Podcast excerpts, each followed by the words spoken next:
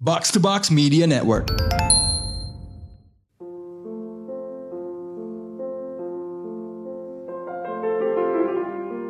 Inggris abad 18.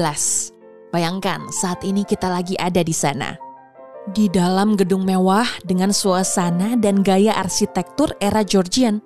Situasi kontras terasa di luar bangunan. Lalu tiba-tiba terdengar ada suara riuh dari sekelompok orang di jalanan.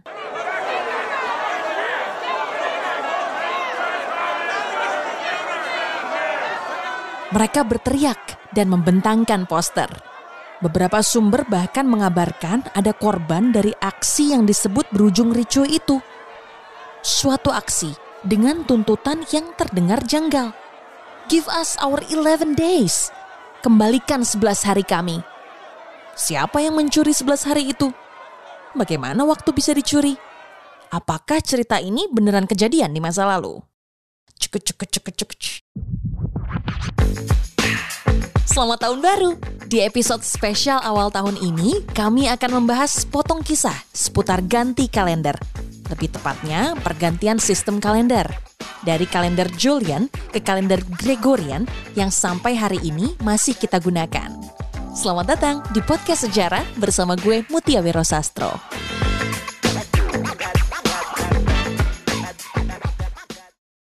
Mari kembali jauh ke tahun 46 sebelum Masehi. Pemimpin Romawi, Julius Caesar, memperkenalkan sebuah sistem penanggalan. Ratusan, bahkan lebih dari seribu tahun lamanya, kalender itu digunakan oleh berbagai negara. Gereja di Eropa juga mulai mengadopsi kalender Julian sejak konsili Nikea pertama pada 325 Masehi. Angin perubahan baru terasa ratusan tahun kemudian. Tepatnya ketika Roma memasuki musim semi pada akhir abad 16. Gereja mulai merasa khawatir melihat musim semi mulai berjalan tak beriringan dengan perayaan Hari Paskah. Fenomena itu terjadi karena adanya miskalkulasi dalam kalender Julian. Setiap tahunnya ada error 11 detik lebih cepat. Alhasil, secara akumulatif ada error satu hari per 128 tahun. Dengan bantuan astronom dan dokter terkenal Aloysius Lilius, Paus Gregorius ke-8 menyusun dan memperkenalkan suatu sistem kalender baru, kalender Gregorian. Pada 15 Oktober 1582, kalender baru itu efektif berlaku. Beberapa negara seperti Italia, Spanyol, dan Portugal mulai mengadopsi kalender baru itu. Tapi beberapa negara lain seperti Jerman dan Inggris menolak atau mengabaikannya. Penolakan itu tidak terlepas dari gelombang reformasi gereja dan sejarah awal protestanisme pada abad ke-16. Mereka yang menolak merasa bahwa paus ingin mengatur segalanya, bahkan waktu. Alhasil Inggris dan Jerman bertahan menggunakan kalender Julian selama puluhan bahkan ratusan tahun kemudian.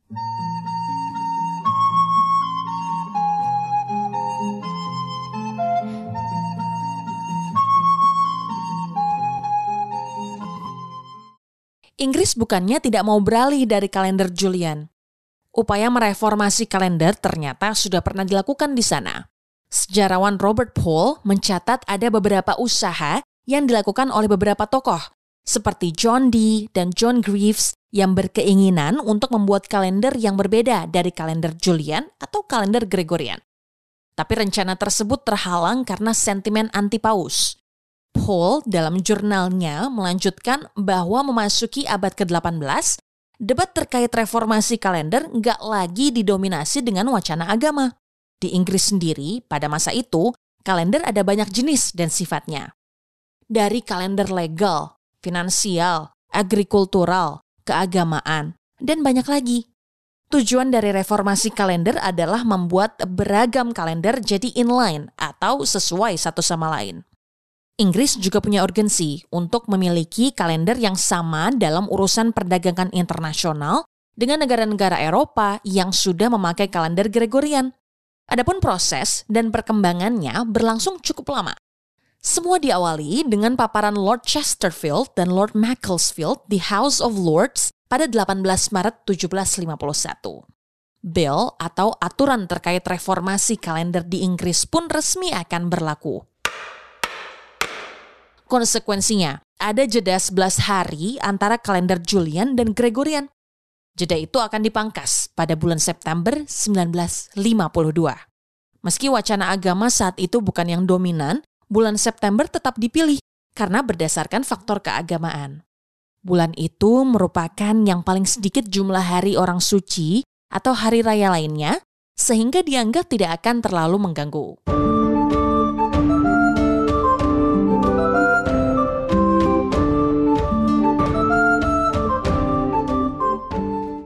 Apalah arti sebuah nama, kata Shakespeare. Mawar akan tetap wangi meski kita memberinya nama yang lain. Tapi waktu, apa artinya waktu? Waktu jelas sangat berarti. Sebuah konsep yang dijerat oleh jarum jam dan angka di kalender adalah acuan dalam kegiatan kita hari ini. Waktu adalah uang, dan waktu melibatkan uang. Pergantian sistem waktu yang dalam hal ini penanggalan di kalender secara teori akan membuat dampak di berbagai sektor. Ada persoalan yang melibatkan hajat hidup orang banyak. Mulai dari batas tanggal utang piutang, bunga pinjaman, kontrak pengiriman barang, vonis bebas penjara, dan tentu saja tanggal pembayaran gaji. Dari situlah muncul isu soal hadirnya demonstran yang melakukan aksi dengan menyerukan, Give us our 11 days. Kembalikan 11 hari kami. 11 hari yang dipotong oleh pemerintah Inggris demi menyesuaikannya dengan reformasi kalender. Sekilas terdengar sangat polos dan aneh. Beberapa tulisan hari ini kerap menceritakan kembali kisah tersebut untuk menunjukkan betapa konyolnya sekumpulan orang yang mudah tertipu kabar palsu. Tapi kalau kita nggak hati-hati memeriksa fakta sejarah, justru kita yang bisa kena tipu.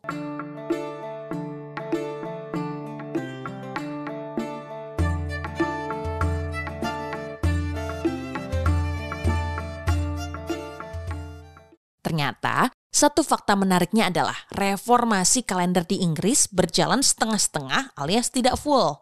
Aktivitas yang melibatkan persoalan ekonomi, pertanian, dan perayaan masih bertahan dengan kalender yang lama.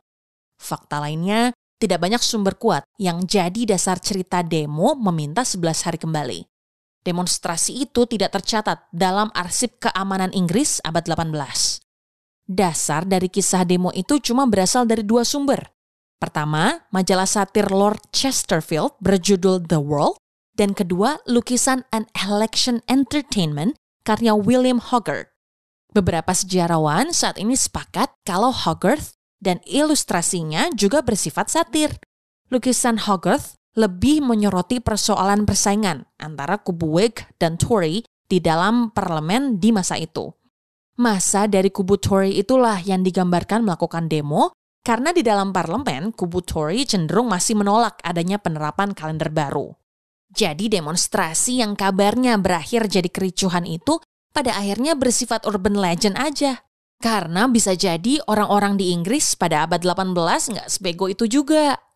Menurut catatan sejarah, yang ada malah anekdot unik tentang orang yang mengakali adanya pemangkasan tanggal. Cerita ini datang dari William Willett di Endon, Staffordshire. William bertaruh bahwa dia bisa menari selama 12 hari 12 malam penuh. Dia memenuhi janjinya dengan menari semalaman pada 2 September 1752. Keesokan paginya sudah tanggal 14 September. Dengan hasil itu, William Willett berhasil mencatatkan namanya sebagai prankster abad ke-18 yang berhasil menang taruhan dan mengakali waktu. Prank, kamu kena prank. Ah, selamat kamu kena prank. Begitulah cerita soal pergantian sistem kalender dari Julian ke Gregorian. Ternyata ada cerita panjang dan unik sebelum sistem kalender dan penanggalan bisa diterima oleh publik. Gue Mutia Wira Sastro pamit. Jangan lupa buat follow dan kasih rate ke podcast sejarah di Spotify. Sampai jumpa di episode berikutnya. chicka chicka